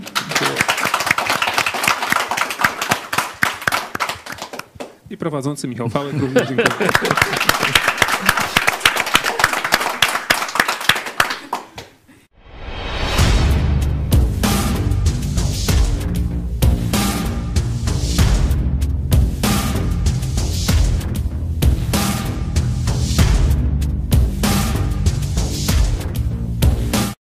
Chcesz, by niezależne od dotacji rządu dziennikarstwo przetrwało i rozwijało się w Polsce, poświęć dosłownie kilka minut na wsparcie telewizji Idź Pod Prąd.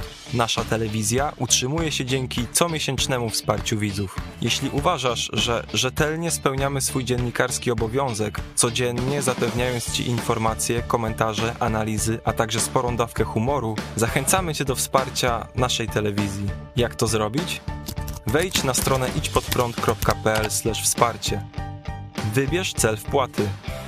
Możesz jej dokonać przez DotPay, PayPal, Blik lub tradycyjnym przelewem z tytułem darowizna. Gramy i gnamy dalej.